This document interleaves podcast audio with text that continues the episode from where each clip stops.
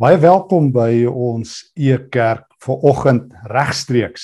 So klein knik in die pad ook met tegnologie, maar ek hoop jy gaan ook nou aanlyn wees. Dit lyk asof uh, daar so via Facebook en YouTube vanoggend allerlei goggas op die internetdrade sit. Maar mag die Here vanoggend deur sy woord en uit sy woord 'n paar ou en nuwe skatte met ons deel. Kom ons bid. Here, ons vra dat U naam vanoggend groot gemaak sal word, dat U verheerlik sal word en dat al die eer U sin sal wees. Deel vir ons ou en nuwe waarhede asof vir die eerste keer uit U woord. Amen. Ek lees 'n ruk gelede wat uh, become more like me. Sy hartseer dat die kerk in ons dag baie meer probeer om ons soos hulle te laat lyk as wat ons mense uitnooi om ons lewe, ons lewe in Christus agterna te leef. Dit is asof heiligheid weg is. Asof sonde die gemiddelde deler geword het. Asof die verskoning is ons is maar almal mense. Ons almal val maar een of ander tyd asof dit maar oukei okay geraak het om so bietjie met sonde rond te speel. 'n Ruk gelede het iemand juis vir my 'n brief geskrywe en ek het toe die volgende stukkie geskrywe uh in my rubriek in die beeld uh omdat ek die brief kon gebruik het. Die vraag wat sy my gevra het, geld daar 'n ander standaard vir geestelike leiers wat droog maak as vir die res van ons? Hoe bedoel jy? Het ek haar gevra. Party geestelike leiers maak 'n gewoonte van droog maak, dan word hulle lig weg oor die vingers getik en gaan rustig aan, antwoord sy. Toe voeg sy by: Ons moet nou deesdae gedurig in die kerk hoor, almal is gebroke en dat ons mekaar uit ons gebrokenheid bedien. Ek is moeg hiervoor. Ek is moeg dat um, mense my na hulle standaard toe aftrek. Ek wil deur mense onderrig word wat daarna streef om op Christus se standaard te leef. En dan onthou ek die woorde wat uh, Asginus ergens in 'n boek skrywe van 'n Christen sakeman en 'n boeddhis wat iewers in die ooste met mekaar gesels. En hulle gesels oor geloof. En dan sê die boeddhis vir die Christen sakeman, hy sê something I don't understand. Hy sê every time I meet a Buddhist leader. I meet a holy man. But every time I meet a Christian leader, I meet sort of a businessman. Persoonlike heiligheid is weg. So voel dit. Dit voel asof middelmatigheid die nuwe ding is. Sag op sonde, uh min klem op heiligheid. Ek het egter een ding geleer by myself en dit is dat ek vir ure lank hierdie soort opmerkings kan maak en wie kan daarteenoor stry? Ek meen, as ek nou sê die kerk is nie meer op standaard nie, wie kan daarteenoor stry? As ek sê geestelike leiers leef nie heilig genoeg nie, wie kan daarteenoor stry? Maar die vraag verander as ek vra Stefan, hoe maak jy om 'n heilige lewe te leef? 'n Lewe wat God welgevallig is. 'n Lewe wat God se oog vang.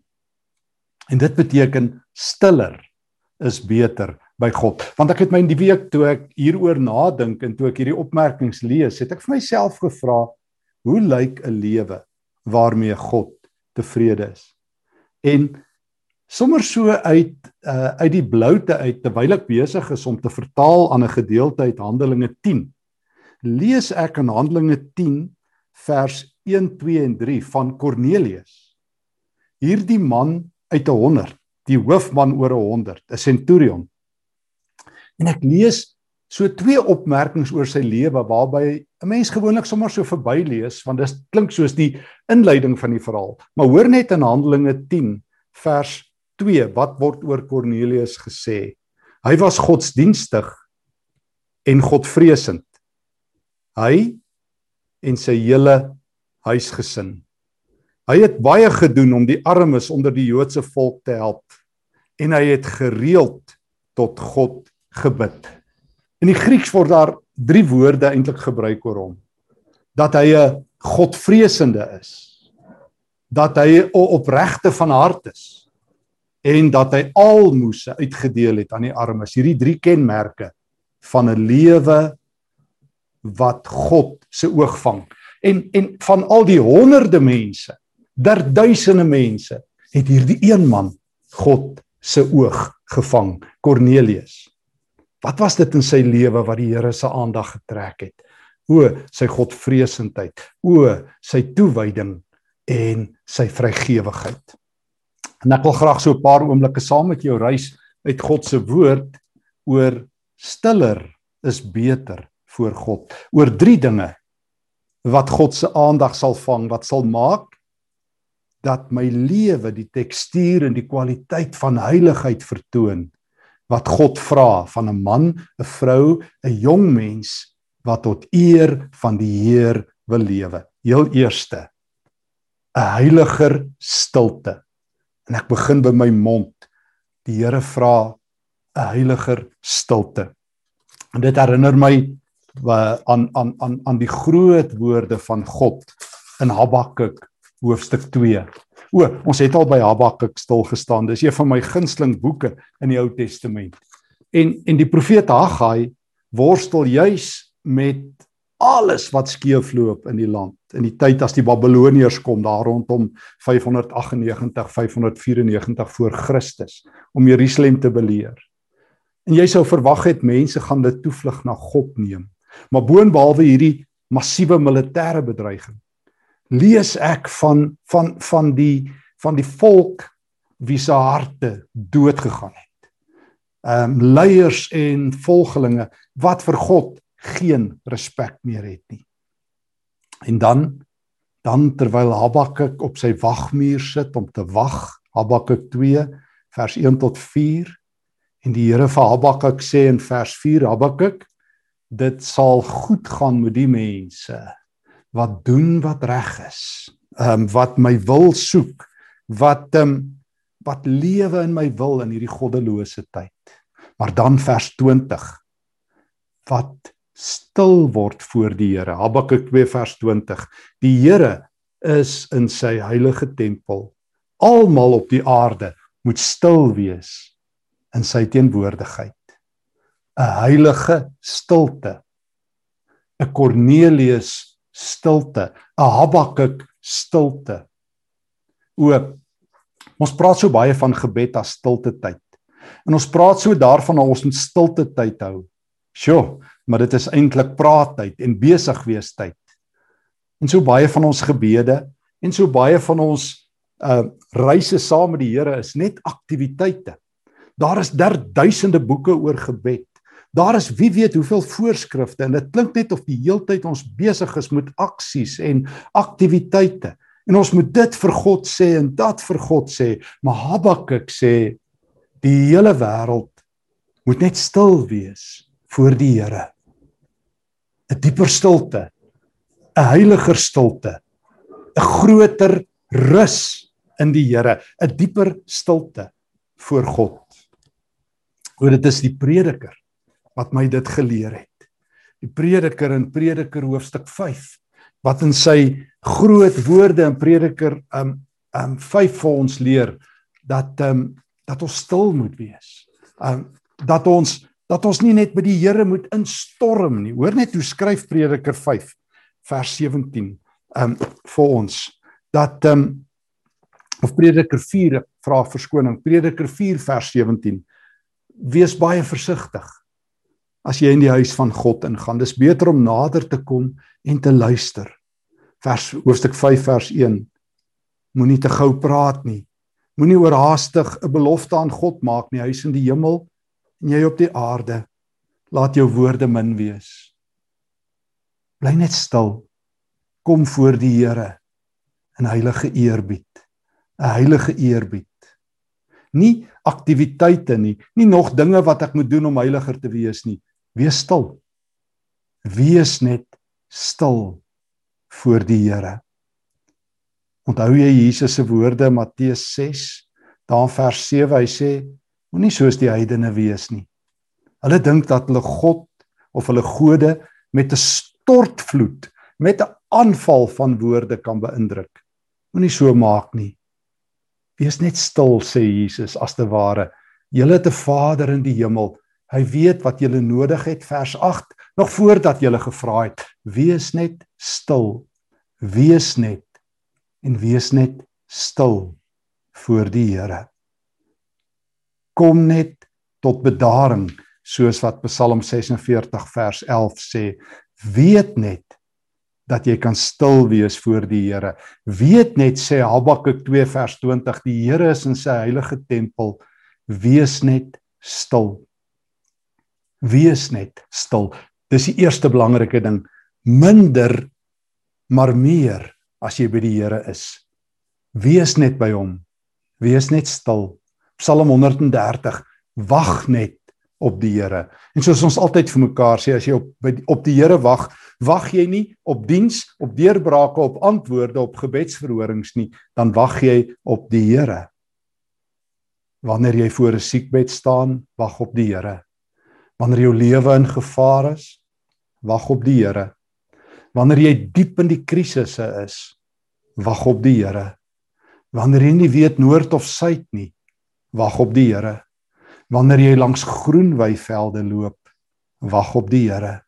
Wees stil en weet God is in sy heilige tempel. Maar doen 'n tweede ding. Doen 'n tweede ding. So dan moet 'n heilige stilte kom. My mond moet stiller word.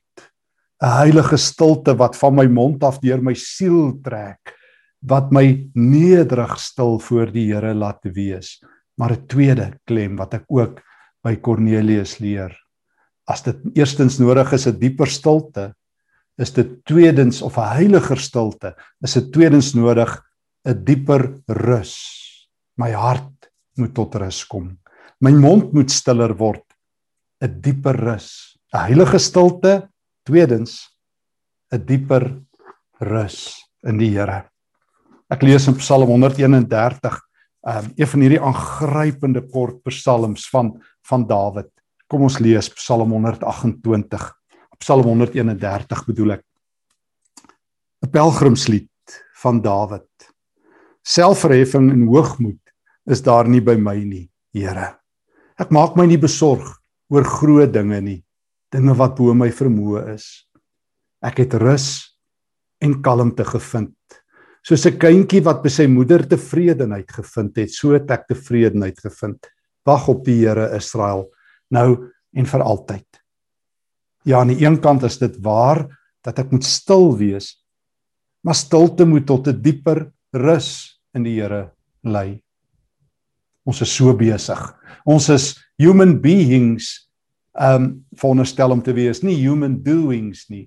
Ons dink God meet ons die heeltyd aan wat ons doen, nie aan wie ons is nie. Daarom wil mense altyd dinge doen en groter dinge doen om meer die Here se oog te vang. Ek lees selfs verskoon die vliegtye.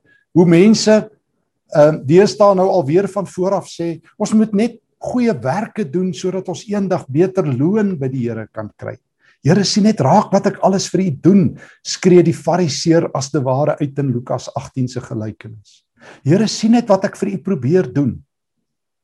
En die Here sê ek soek 'n heilige stilte in jou lewe. Ek soek 'n dieper rus by my oor die vrede van God waaroor Paulus in Filippense 4 skryf wat my hart tot bedaring bring en my kop rustiger maak. Ek kan daai vrede nie naboots nie. Ek kan dit nie namaak nie. Ek kan dit net ontvang. Ek ontvang dit wanneer daar heilige stilte in my lewe kom.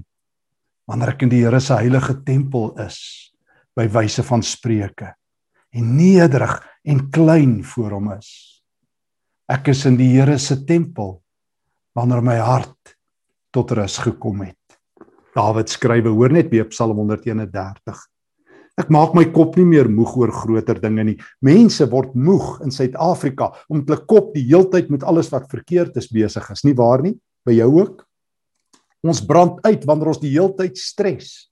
Stres is 'n energiebom. Dit maak ons klaar. Dit maak ons bitter. Dit maak ons bekommerd. Die Here sê, kom rus 'n bietjie by my.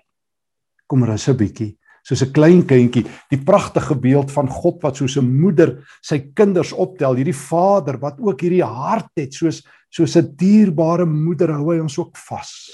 God, ons Vader in die hemel, wat ons styf vashou, soos 'n klein kindjie rus by sy moeder gevind het, so vind ek rus by U. Here, partykeer wil ek net tot bedaring kom. Partykeer wil ek net dieper rus. Ook Cornelius het dit gedoen. Nee, die engel sê nie in Handelinge 10 Cornelius was aktief en Cornelius het dit en dat gebid nie. Sy gebedslewe het hom 'n godvreesende gemaak. Sy toewyding het hom 'n man van die Here gemaak. Hy het God se oog gevang en daarom wil God meer vir hom gee. Daarom wil God hom red en die Heilige Gees aan hom uitstort, oor hom uitstort. Daardie heilige stilte. Daardie heilige wees by die Here. Is dit in jou lewe? Kom jy tot bedaring?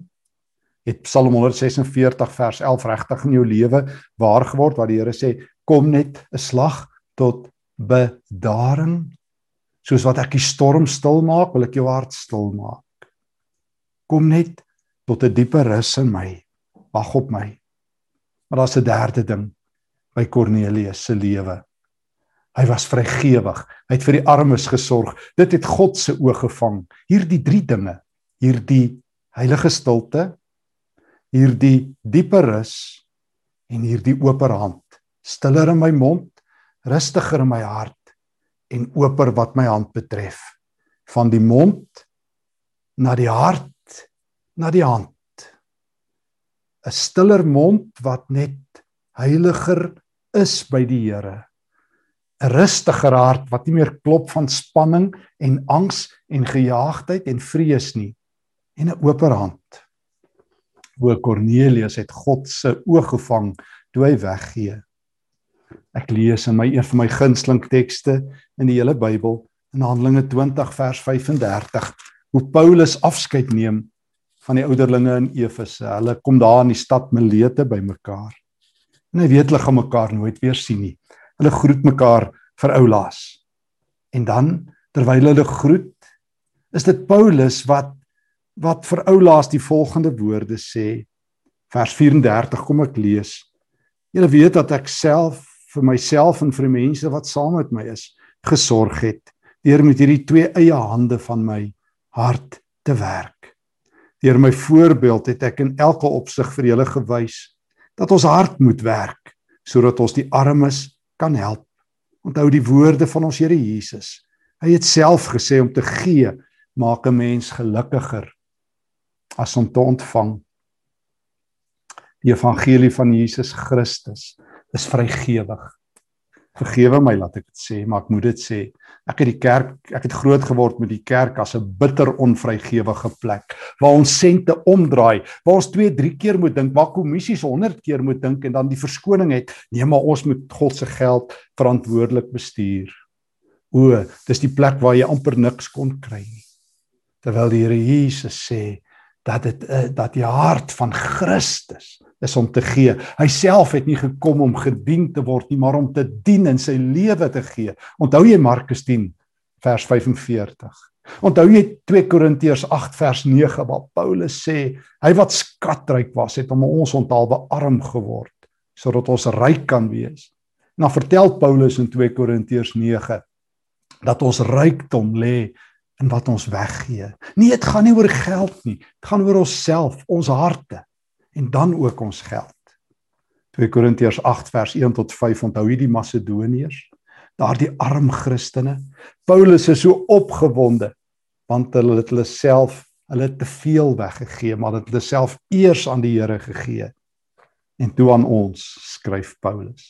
En hy self sê ek het hard gewerk, nie om my geld te spaar nie, nie om 'n gemaakte man te wees nie, maar sodat die armes kan eet sodat ander mense geseën kan word. Want waaragtige oop hand is 'n hand wat God raak sien. Onthou jy? Onthou jy Markus 12 vers 41 tot 44 daai weduwee wat alles gee en die Here Jesus klap hande. Onthou jy uh Markus 14 is dit vers 2 tot 10 die vrou wat in hardloop en daai nardesolie oor Jesus uitgooi 'n 150 denarii, 'n jaar en 'n half se geld se waarde. En die weduwee gee haar laaste 2 sente en Jesus klap weer hande. O, vrygewigheid vang die oog van God. Is dit nie Spreuke 4 wat sê as jy vandag gewelddaad aan iemand anders kan gee, moet dit nie van hulle weerhou nie. Hm. God sien raak wanneer Kornelius weggee. Hy stuur sy engel na Kornelius toe. Hy sien raak wanneer sy hande vry is om te gee. Wanneer hy nie 'n slaaf is wat vashou en vaskleef nie. Hy deel sy tyd, hy deel sy geld, hy deel sy energie. Ja, want dit gaan nie net oor geld nie, inteendeel, gaan oor jou hart. Dit gaan daaroor dat jy Galasiërs 6 vers, vers 2 verstaan. Jy word heiliger as jy ander mense se laste begin dra. As jy nie 'n dag laat verbygaan om 1 Petrus 2 vers 15 tot 17 waar te maak nie.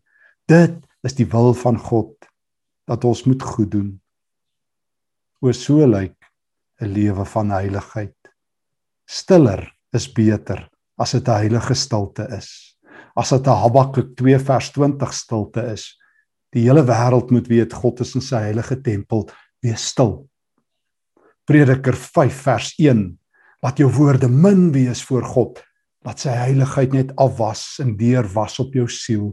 Wees heilig want ek is heilig. Wees heilig. Wees stil.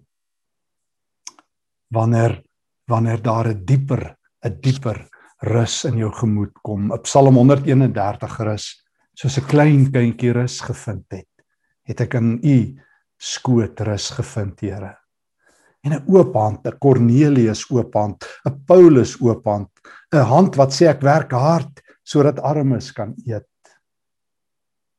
Wat het jy weggegee van jouself in die afgelope week? Waar is mense geseën? Wie kan in, op hierdie Sondagoggend sê hierdie week was jy my naaste? Toe ek honger was, het jy gehelp. Toe ek in die moeilikheid was, het jy gebid. Toe ek 'n vriend nodig gehad het, was jou skouers breed. Die Here soek na nuwe helde. Ek lees wat ehm, 'n um, bekende uh, persoon 'n paar uh, lank lank gelede geskryf het, William McNamara. En ek wil dit met jou deel. Hy sê there are no free men to lead me, no saints to inspire me, no sinners sinful enough to even impress me or share in my plight.